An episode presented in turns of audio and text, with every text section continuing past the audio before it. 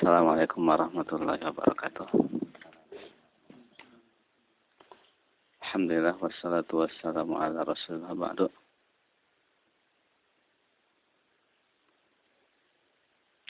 Kita melanjutkan kitab Tauhid Babu qawlillahi ta'ala Bab firman Allah subhanahu wa ta'ala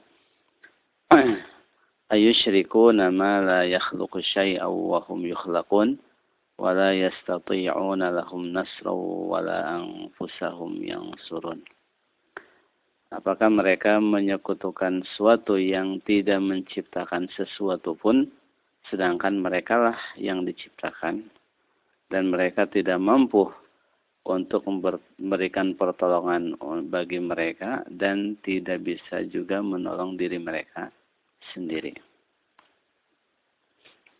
Di sini Allah Subhanahu wa taala mengingkari kepada orang-orang yang menyekutukan Allah Subhanahu wa taala e, di mana yang disekutukan dengan Allah Subhanahu wa taala itu sesuatu yang tidak bisa menciptakan. Karena yang diibadati adalah harus yang menciptakan. Ketika tidak menciptakan maka tidak berhak diibadati. Dan mereka tidak bisa menolong orang yang mengibadatinya dan juga tidak bisa menolong diri mereka sendiri. Ketika berhala-berhala itu ketika dihancurkan kan mereka tidak bisa menolong diri mereka sendiri. Begitu juga ketika yang mengibadati mereka eh, apa tertimpa bencana tidak bisa menolong ketika Allah menurunkan punya banjir atau gempa kan tidak bisa menolong eh, orang-orang uh, itu.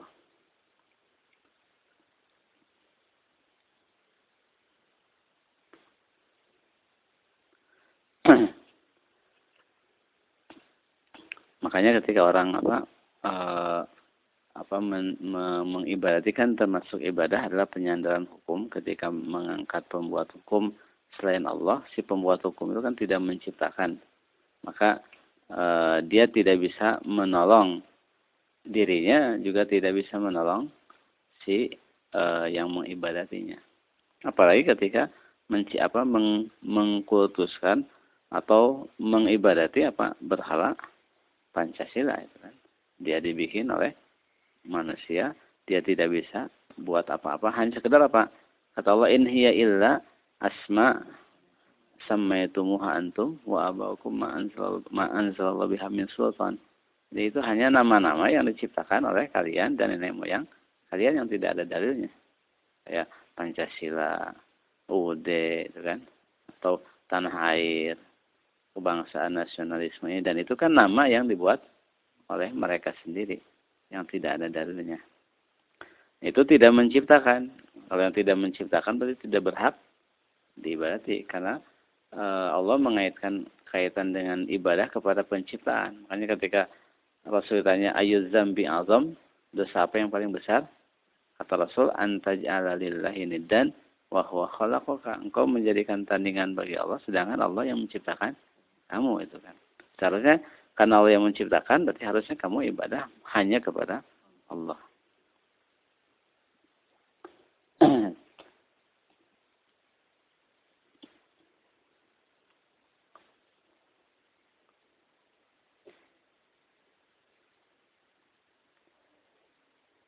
termasuk uh, apa para nabi, para malaikat, mereka tidak bisa mendatangkan madarat manfaat.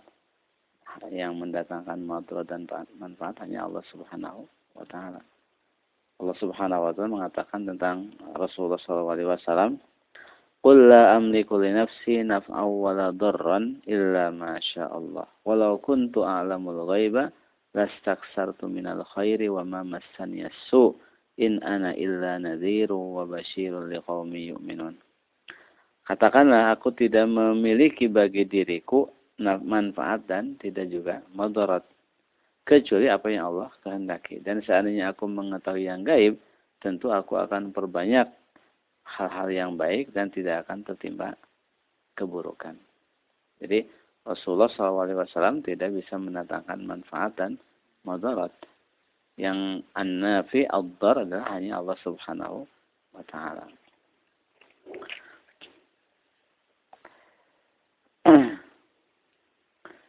Kemudian juga Musani mengatakan firman Allah Subhanahu wa taala, "Walladzina tad'una min dunihi ma yamlikuna min qitmir."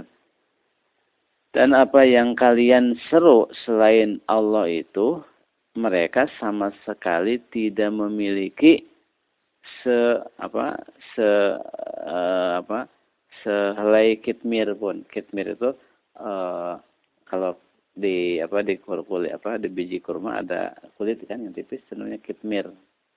Ada nakir kalau nakir ada nukroh apa, eh, apa yang bolongan ya. Kan di kurma ada kan ya yang tengah-tengah itu kan untuk keluarnya apa akar nanti kan. Itu namanya nakir. Nah kalau kitmir itu apa yang selaput yang yang tipis itu di kulit apa di kulit biji kurma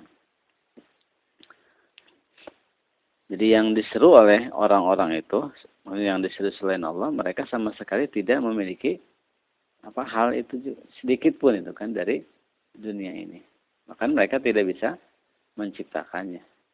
Karena hakikatnya yang memiliki hanya Allah Subhanahu wa taala. Nah kalau tidak memiliki berarti tidak layak untuk diibadati. Juga firman Allah Subhanahu wa taala wa ma yastawil ahya walal amwat Innallaha yusmi'u man yasha'u wa ma anta bimusmi'im man fil. Dan tidak sama an, uh, yang hidup dengan yang yang mati. Sesungguhnya Allah memperdengar, membuat, menjadikan bisa mendengar orang yang Allah kehendaki dan kamu tidak bisa membuat mendengar orang yang ada dalam kuburan.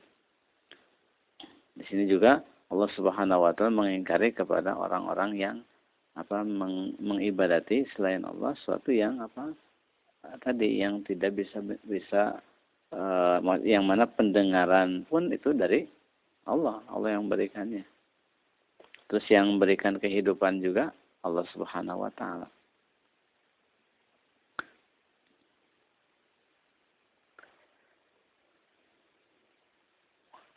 Jadi intinya uh, semua ini apa uh, yang diibadati selain Allah tidak tidak memiliki sedikit pun eh, sifat-sifat uh, yang dengannya berhak untuk diibadati.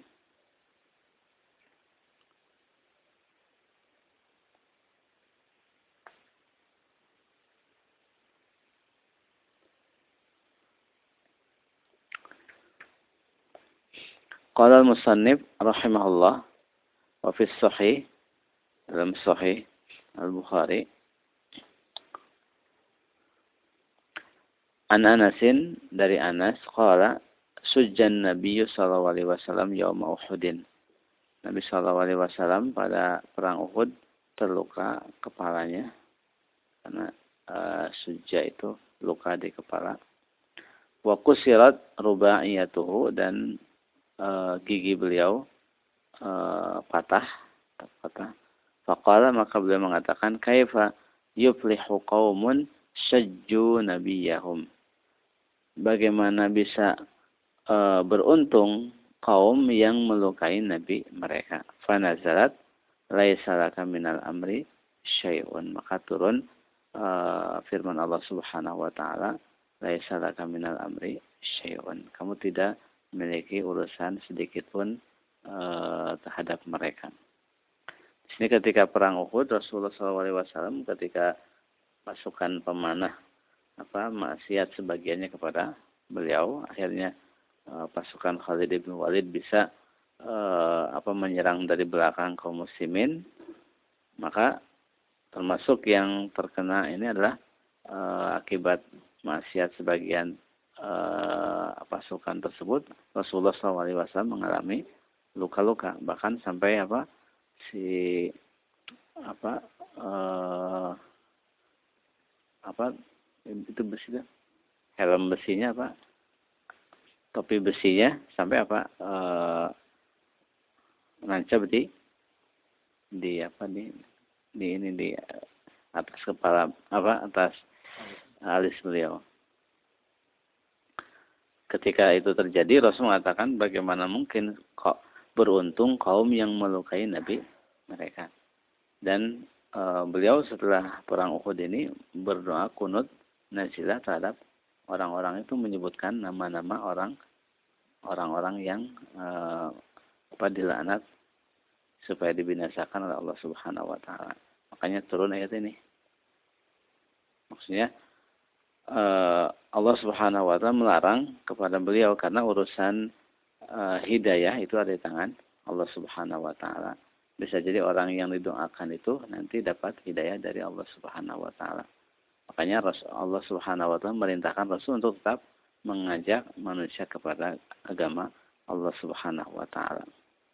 Dan di antara orang-orang yang apa di didoakan keburukan itu di antara Sofwan ibnu Umayyah, Suhail ibnu Amr, Al Haris ibnu Hisham, mereka semua pada akhirnya masuk masuk Islam.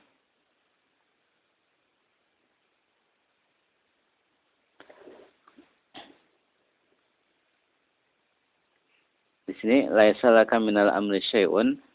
Ibnu Atiyah mengatakan ka'anna Nabi sallallahu alaihi wasallam lahiqahu fi tilkal hal ya'sun min falahi kuffari Quraisy. Uh, seolah Nabi sallallahu alaihi wasallam pada saat itu ketika habis perang Uhud itu beliau uh, apa mengalami putus asa dari keber, uh, keberuntungannya orang-orang kafir Quraisy maksudnya beliau putus asa mereka itu dapat hidayah. Makanya Allah menurunkan ayat ini. Jadi kamu tidak punya urusan sedikit pun.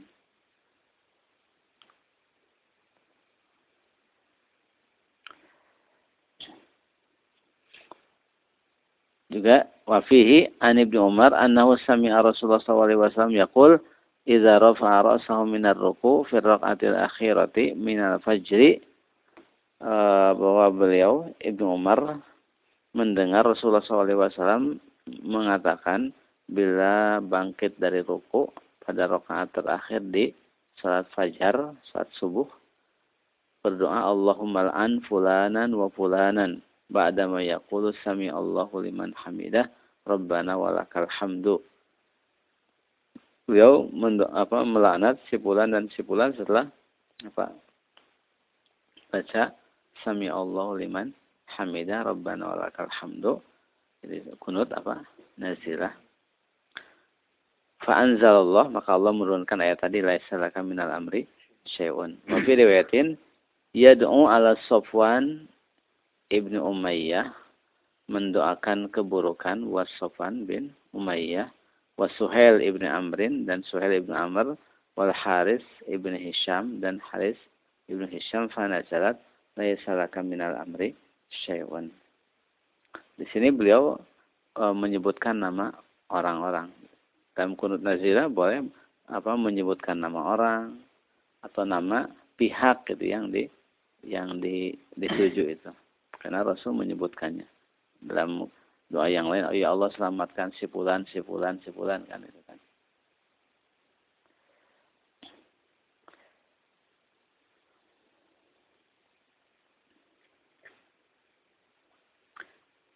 Yang disebut al-la'nu adalah atordu wal ibad. Melaknat itu adalah menjauhkan, artinya menjauhkan dari rahmat Allah. Nah, ini karena artinya menjauhkan dari rahmat Allah, Allah menurunkan ayat ini karena Allah mengetahui uh, bahwa uh, karena Allah meng, uh, apa bisa jadi memberikan hidayah kepada orang-orang yang dilaknat tersebut. Dan ternyata memang orang-orang yang disebutkan oleh Rasulullah, Sofwan ibnu Umayyah, Suhail ibnu Amr al-Haris ibnu Hisham semuanya masuk masuk Islam.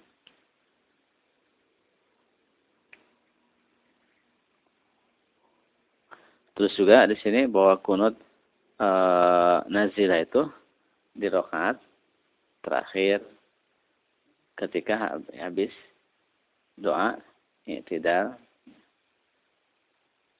Terus juga di sini sebutkan di salat subuh E, makanya kan kalau sebagian ulama kenapa e, dalam mazhab Asy-Syafi'i, mazhab Imam Malik kunut subuh itu ada karena mereka mengambil di antaranya dalil ini. Pada itu kan kita dengan kunut nazilah. Tapi karena ada syubhat dalil, makanya tidak dipastikan apa itu sebagai bentuk bid'ah itu kan. Jadi e, makanya ulama kaitan dengan kunut subuh ada tiga pendapat kan. Imam e, Malik, Imam Asy-Syafi'i mengatakan itu sunnah. Imam Ahmad mengatakan tidak disyariatkan. Imam Abu Hanifah mengatakan bid'ah. Ini pada salaf ya. Di hal yang diperselisihkan mereka, e, kalau mereka berselisih berarti bukan hal yang beda. Minimal bukan hal yang beda, tapi minimal sesuatu yang menyelisihi sunnah. Makanya dalam masalah orang kunut subuh kita tidak begitu apa? Ya, maksud tidak begitu ya tidak uh, tidak begitu keras apa mengingkarinya karena apa itu salaf aja berselisih dan itu kalau mereka tidak mungkin berselisih terhadap bidah. Kalau bidah pasti diingkar, diingkar, ditinggalkan. Karena ada subhat dalil, maka orang yang masih melakukannya dengan anggapan itu kunut subuh adalah khusus, ya ada subhat dalil. Walaupun tidak tidak apa tidak benar. Gitu.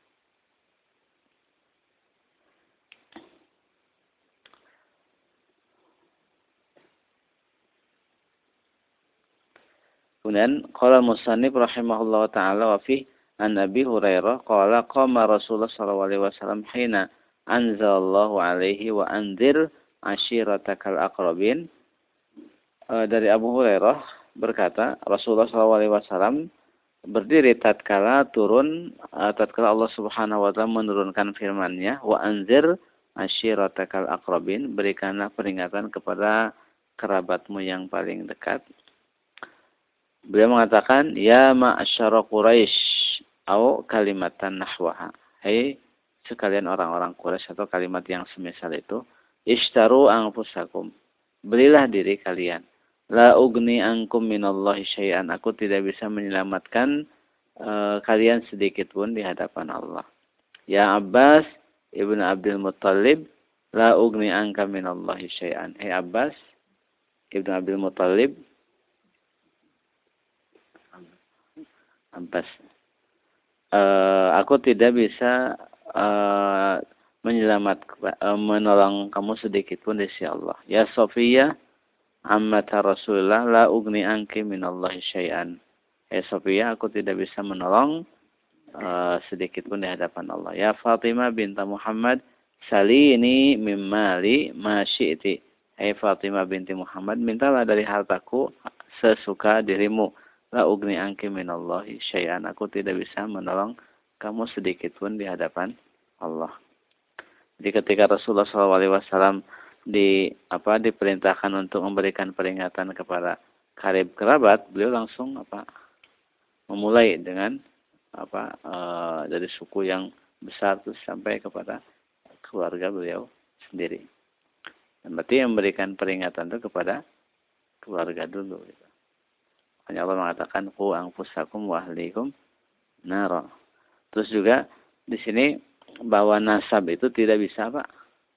Tidak bisa menolong kalau orang tidak memiliki kebaikan. Karena Allah mengatakan wa man batta'a bihi amaluhu lam bihi nasabuhu. Orang yang amalannya apa?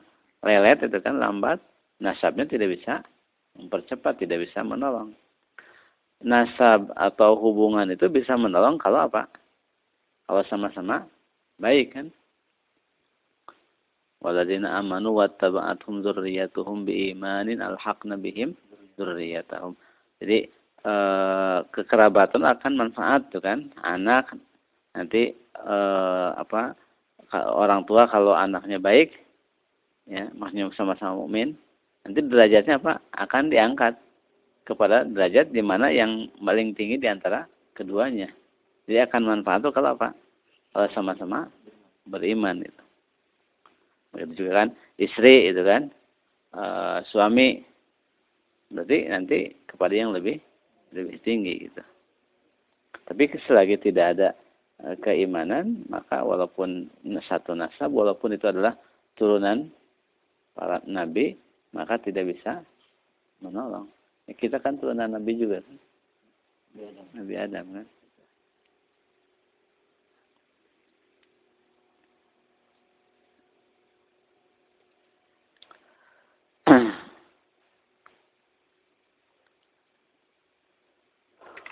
Kemudian di sini ada masail.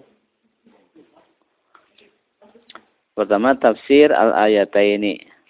Penafsiran dua ayat yaitu firman Allah Subhanahu wa taala wala yastati'una lahum nassan maksudnya berhala-berhala yang diibadati atau yang diibadati selain Allah itu tidak bisa menolong diri mereka juga tidak bisa menolong diri sendiri terus juga ma yamlikuna min qitmir mereka tidak memiliki sedikit pun ya, sebesar qitmir pun tidak memiliki bahwa maksudnya berhala-berhala itu karena tidak memiliki tidak bisa menolong diri sendiri tidak bisa menolong yang mengibadatinya maka tidak layak diibadati. Makanya Allah memperumpamakan orang yang ibadati selain Allah seperti apa?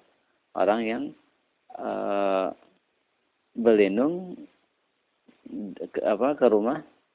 Apa angkabut kan? Laba-laba. Tidak bisa melindungi. Kemudian kisah Uhudin kisah perang Uhud.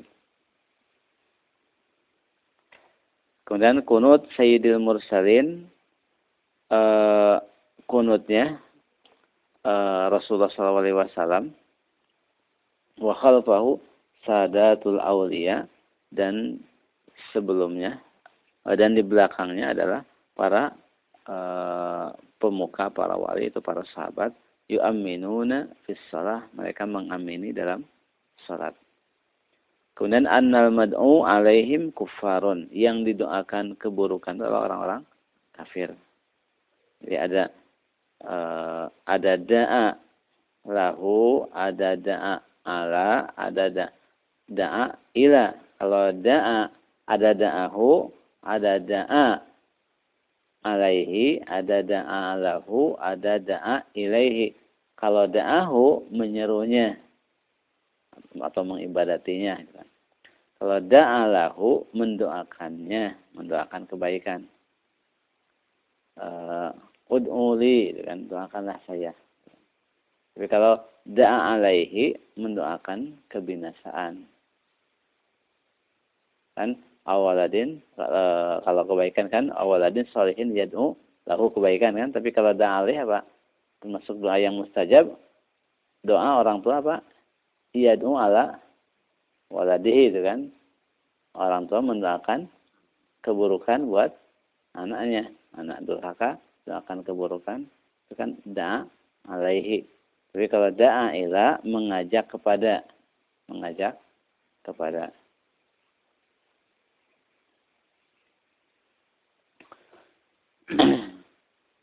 Kemudian annahum fa'alu asya ma fa'alahu ghalibul kufar bahwa mereka itu melakukan hal-hal yang tidak dilakukan uh, oleh Eh, kebanyakan orang-orang kafir. Minha sajjuhum nabiyahum wa hirsuhum ala qatlihi wa minha atamsil bil qatla ma'annahum banu ammihim.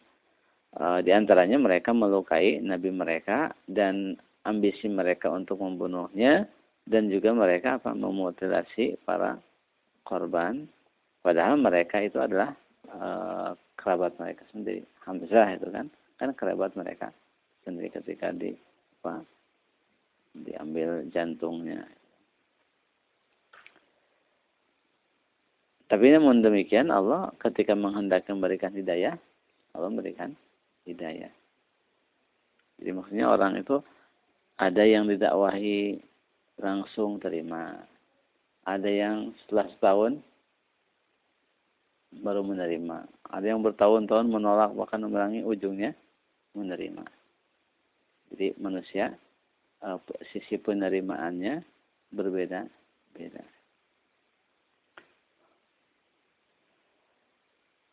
Kemudian anzalallahu alaihi fi dzalika Allah menurunkan dalam hal itu firman-Nya laisa laka minal amri syai'un. Karena hidayah ada di tangan Allah, maka uh, apa tidak perlu untuk menyebutkan mereka uh, secara person untuk dilaknat dalam doa. Au yatuba alaihim au yu'adzibahum atau Allah mengampuni mereka atau mengazab mereka fataba alaihim fa'amanu maka Allah mengampuni mereka sehingga mereka masuk Islam mereka beriman. Terus al-kunut fin nawazil kunut dalam kejadian-kejadian yang apa turun. Nazilah itu kan kejadian yang menimpa kaum muslimin. Kunut nazilah. Kunut ada e, tiga, ada kunut nazilah itu disyariatkan ketika terjadi nawazil atau nazilah. Nazilah itu kejadian yang menimpa kaum muslimin. Itu nazilah. Itu disepakati semua ulama sepakat itu disyariatkan karena memang dalilnya hadis-hadis sahih sahih juga kemudian ada kunut witir kunut witir secara umum disyariatkan walaupun waktunya berbeda-beda ada yang membatasi apa e, Ramadan apa e, pertengahannya aja kan? Dalam mazhab Asy-Syafi'i ada yang secara keseluruhan ada yang sepanjang tahun. Tapi secara umum kunut witir adanya hadis Al Hasan ibnu Ali Alamani Rasulullah SAW kalimatin aquluhunna fi kunutil witri Rasulullah mengajarkan kepada saya bacaan-bacaan atau doa-doa yang saya baca dalam kunut witir hadisnya hadis sahih ada kunut yang ketiga kunut subuh yang tadi dijelaskan yang dari si pensyariatannya di diperselisihkan. Terus juga kalimat kunut sebenarnya kalimat kunut itu e, kan identik kalau di, kita disebut apa kunut. Artinya apa? Ya maksudnya artinya ya itu berdoa. Padahal kunut itu secara bahasa adalah lama berdiri. Kan waqumu lillahi qanitin cuma identik dalam buku-buku fikih yang namanya kunut adalah itu yang apa habis ruku itu atau sebelum ruku itu Kemudian tasmiyatul madu alaihim bis salati bi asma'ihim wa asma'i abaihim. Menyebutkan nama-nama orang yang didoakan di dalam salat dengan nama-namanya dan nama bapaknya. Suhail bin Amr. Sofwan ibn Umayyah. Kemudian la'nul muayyan fil kunut. Melaknat orang muayyan dalam kunut. Kemudian kisatu kisatu sallallahu alaihi wasallam lamma unzil alaihi wa anzir ashiratakal aqrabin. Kisah Rasulullah sallallahu alaihi wasallam tatkala diturunkan kepada beliau ayat wa anzir ashiratakal aqrabin di mana beliau mengumpulkan apa? karib kerabatnya. Kemudian uh, jidduhu sallallahu alaihi wasallam bihaitsu fa'ala ma uh, nusiba bisababihi ila junun keseriusan beliau di dalam apa dakwah sampai-sampai apa uh, akibat apa yang beliau lakukan itu beliau dituduh gila itu kan jadi di, sampai disebut apa gila karena beliau serius dalam dakwahnya itu mengajak orang-orang. Ya memang kan seperti itu orang ketika zaman sekarang juga kalau ada orang yang apa sangat uh, setiap orang dia dakwahi dia datangi itu kan mungkin itu gila juga. Wakazali kalau yaf'aluhu muslimun al-an begitu juga seandainya orang muslim melakukannya hari ini. Kemudian qauluhu lil ab'ad wal aqrab la ugni anki la ugni anka minallahi syai'an. Ucapan beliau kepada orang yang jauh dan yang dekat, aku tidak bisa menolong dirimu sedikit pun dari Allah. Hatta qala ya Fatimah binta Muhammadin la ugni anki minallahi syai'an sampai mengatakan hal itu kepada Fatimah. Fa idza sarraha wa huwa sayyidul mursalin bi annahu la yugni syai'an an sayyidati nisa'il alamin uh,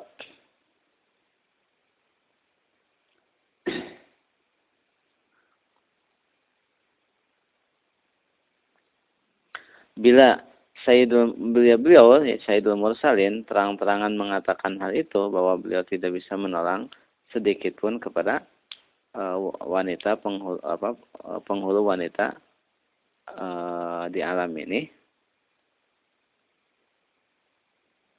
Wa amanal insanu annahu sallallahu alaihi wasallam la yaqulu ilal haq dan orang beriman bahwa beliau sallallahu alaihi wasallam tidak mengatakan kecuali kebenaran. Tsumma nazara fi ma waqa'a fi qulubi khawasin nasil yaum. Kemudian dia memperhatikan apa yang uh, sering ada pada hati orang-orang khusus pada hari ini. Tabayyana lahu tauhid wa din. Maka nampak jelas di hadapannya tauhid dan keterasingan din ini. Maksudnya banyak kan orang menyandarkan kepada tokoh itu kan sudah ada jaminan bahkan kadang kan orang kalau orang sudah sampai ma'rifat hakikat tidak usah sholat lagi kan? Atau kadang orang ketika memandang ini Habib itu kan? Atau Ashraf. Apa pun yang dilakukannya tidak dikomentari walaupun kemungkaran seorang orang berkeyakinan kalau sudah nasab Rasulullah SAW eh, apa dijamin masuk surga kan enggak? Uh, ya kadang ada gitu. Bahkan orang karena dalam hadis Rasulullah turunan garis uh, nasab ke atasnya orang-orang yang suci. Suci bukan arti suci uh, bukan musik tapi suci dari jalur pernikahan. Nah ada orang uh, sebagian ulama yang bahkan sampai mereka ingin menetapkan keislaman orang tua Rasulullah SAW dengan alasan jalur beliau sampai ke atas jalur orang yang suci. pada maksud suci di sini tidak seperti sebagian orang jahili yang jalur ke atasnya ada dari jalur hasil zina. Ya, kalau jalur Rasulullah jalur pernikahan semuanya. Tapi kalau masalah Islam dan tidaknya, karena kita sudah ma'ruf orang-orang jahiliyah, ya, banyaknya di atas kemusyrikan termasuk kakek beliau, dan orang tua beliau Shallallahu Alaihi Wasallam. Begitu juga bila e, di atasnya seperti itu, berarti di bawah juga tidak ada jaminan bahwa keturunan beliau semuanya akan apa e, masuk surga atau e, Muslim seluruhnya. Wallahu taala alam. Wassallallahu ala nabiyina Muhammadin wa ala bihamdika asyhadu an la ilaha illa anta astaghfiruka wa atubu ilaik. Assalamualaikum warahmatullahi wabarakatuh.